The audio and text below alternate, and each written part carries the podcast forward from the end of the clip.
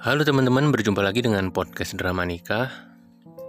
Seperti biasa, saya ingatkan buat teman-teman yang baru dengerin podcast ini atau sudah dengerin podcast ini tapi belum follow atau subscribe, tolonglah ikuti podcastnya di Spotify. Kemudian teman-teman bisa subscribe YouTube-nya, namanya drama nikah.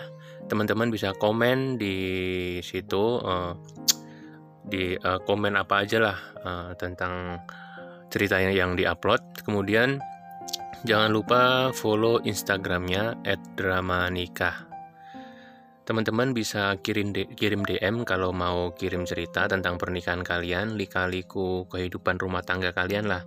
Paling enggak cerita kalian bisa diambil hikmahnya sama teman-teman yang dengerin.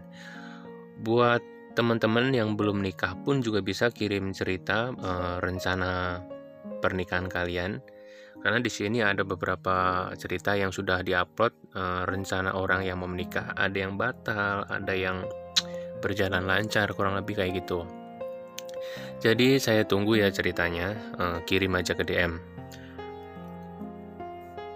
Oke langsung aja ke cerita hari ini. Ini dikirim oleh seseorang e, yang dikirim ke Instagram @dramanikah jadi cerita ini judulnya adalah gagal nikah karena mahar.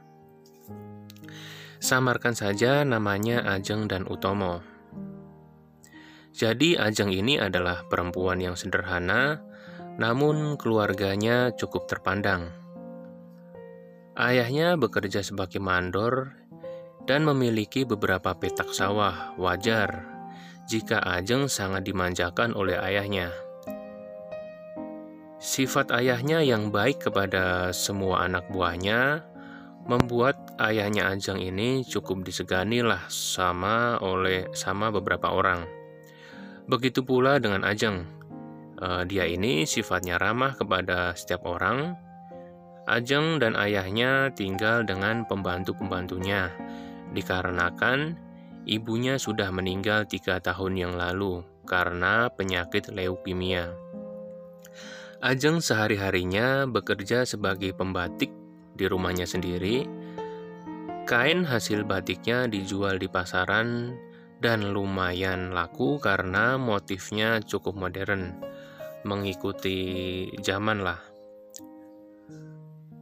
Banyak sekali pria yang ingin mendekati Ajeng, dikarenakan selain ramah, dia juga bekerja keras. Namun, banyak orang yang tidak mengetahui kalau Ajeng sebenarnya suka menyakiti hati pria. Dia sering melakukan ghosting, berkata manis, memberikan harapan, dan mencampakkan pria. Sifat buruk Ajeng inilah yang membuat dia di usia sekarang yang harusnya sudah nikah tetapi belum memiliki pasangan.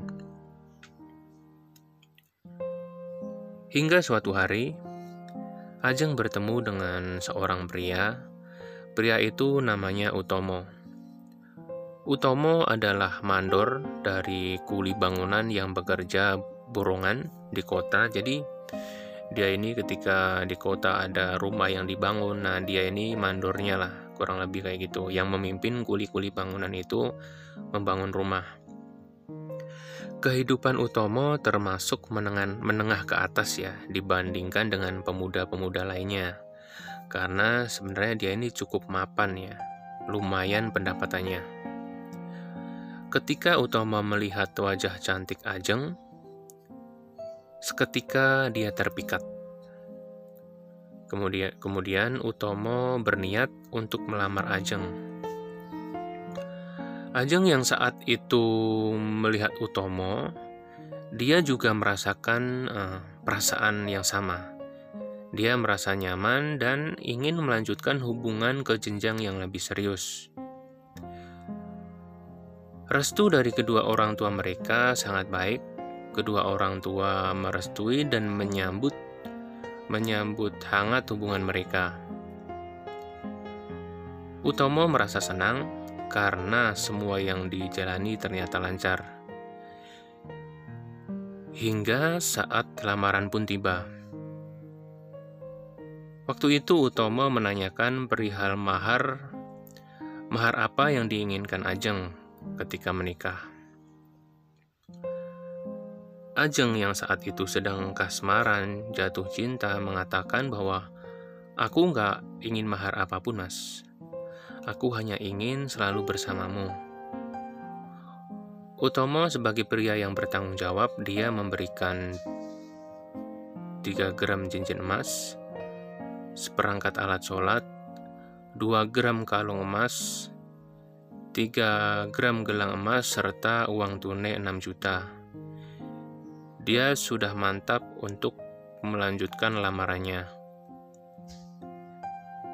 Namun, sesuatu yang tidak diharapkan terjadi. Ayah Ajeng mengatakan, "Kamu itu kaya. Belum jadi suaminya sudah aja perhitungan. Kenapa kamu nggak memberikan anakku mahar yang lebih bagus, bukan hanya barang yang murahan? Anakku itu mahal loh harganya. Setidaknya berikan sawah lah, hewan ternak, serta rumah untuk kehidupan kalian nanti yang lebih baik." lebih sejahtera. Kurang lebih seperti itu. Mendengar itu, Utomo dan keluarganya terkejut bukan main. Sebenarnya bukannya Utomo tidak memikirkan hal itu ya. Utomo ini sebenarnya sudah membeli tanah untuk nantinya dibuat rumah ya. Namun untuk sementara waktu setelah menikah Utomo memang ingin tinggal di rumah orang tua dulu, berbakti kepada orang tua mereka. Kalau tanah sih sebenarnya sudah ada, sudah ada tabungan untuk membangun rumah. Emang seperti yang tadi bilang, ingin tinggal sama orangnya, orang tuanya terlebih dahulu. Dan masalah sawah, hewan ternak, Utomo juga sudah memikirkan, sudah ada tabungan untuk membelinya. Namun, Utama berjaga-jaga, suatu saat jika ada kebutuhan, paling nggak tabungannya dipakai dulu untuk yang lebih penting, seperti untuk melahirkan. Karena pastinya belum tahu seperti apa di masa depan itu. Utama mengatakan hal tersebut dengan tenang dan Utama meminta maaf dan memohon pengertian kepada ayah Ajeng namun, ternyata respon Ayah Ajeng berbeda. Ayah Ajeng menolak dengan mentah-mentah. Ia mengatakan, sebenarnya masih banyak pria di luar sana yang sanggup yang sanggup memberi mahar Ajeng yang lebih pantas. Gak seperti kamu.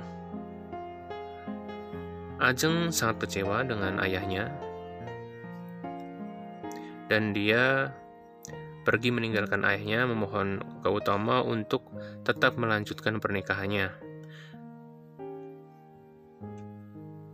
Namun Utama mengatakan bahwa Ajeng harus patuh kepada orang tuanya.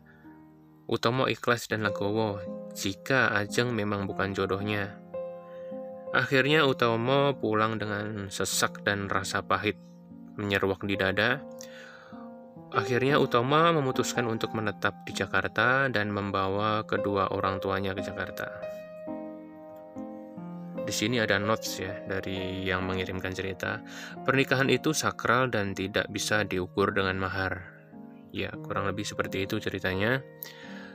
Uh, sebenarnya di cerita seperti ini pernah terjadi di keluarga saya ya. Kayaknya banyak orang yang mengalami kisah seperti ini ya. Uh, mungkin uh, ke depannya kalau orang tuanya emang ternyata sadar, pasti bisa kalau emang jodoh bisa ketemu lagi ya. Kalau nggak salah di cerita sebelumnya juga ada kayak gini, orang tuanya tidak menyetujuin dan anaknya itu karena gagal nikah anaknya itu sakit, ya kan?